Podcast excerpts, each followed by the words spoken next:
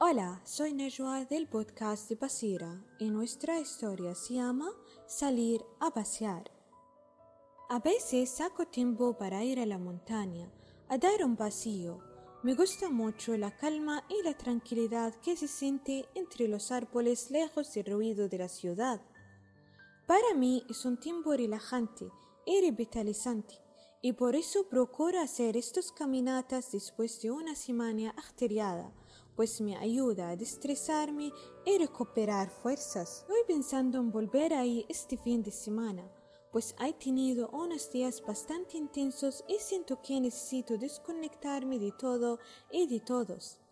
El plan es más o menos así.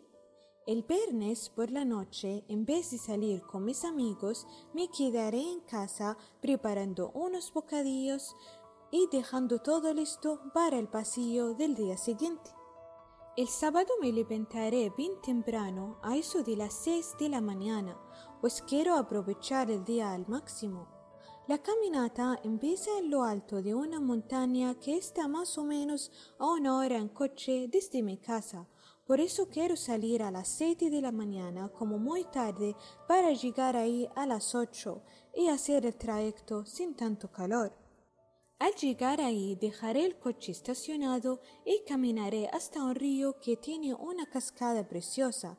Desde el aparcamiento hasta el río hay unos 10 kilómetros, por lo que la ida y vuelta toman por lo general unas cuatro horas a paso normal.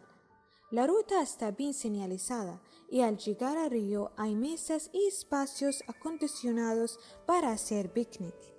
Estando ahí me comeré mis bocadillos, me echaré en el pasto a leer un libro y luego de un par de horas disfrutando de la naturaleza regresaré por el mismo camino hasta donde dejé el coche aparcado para volver a casa.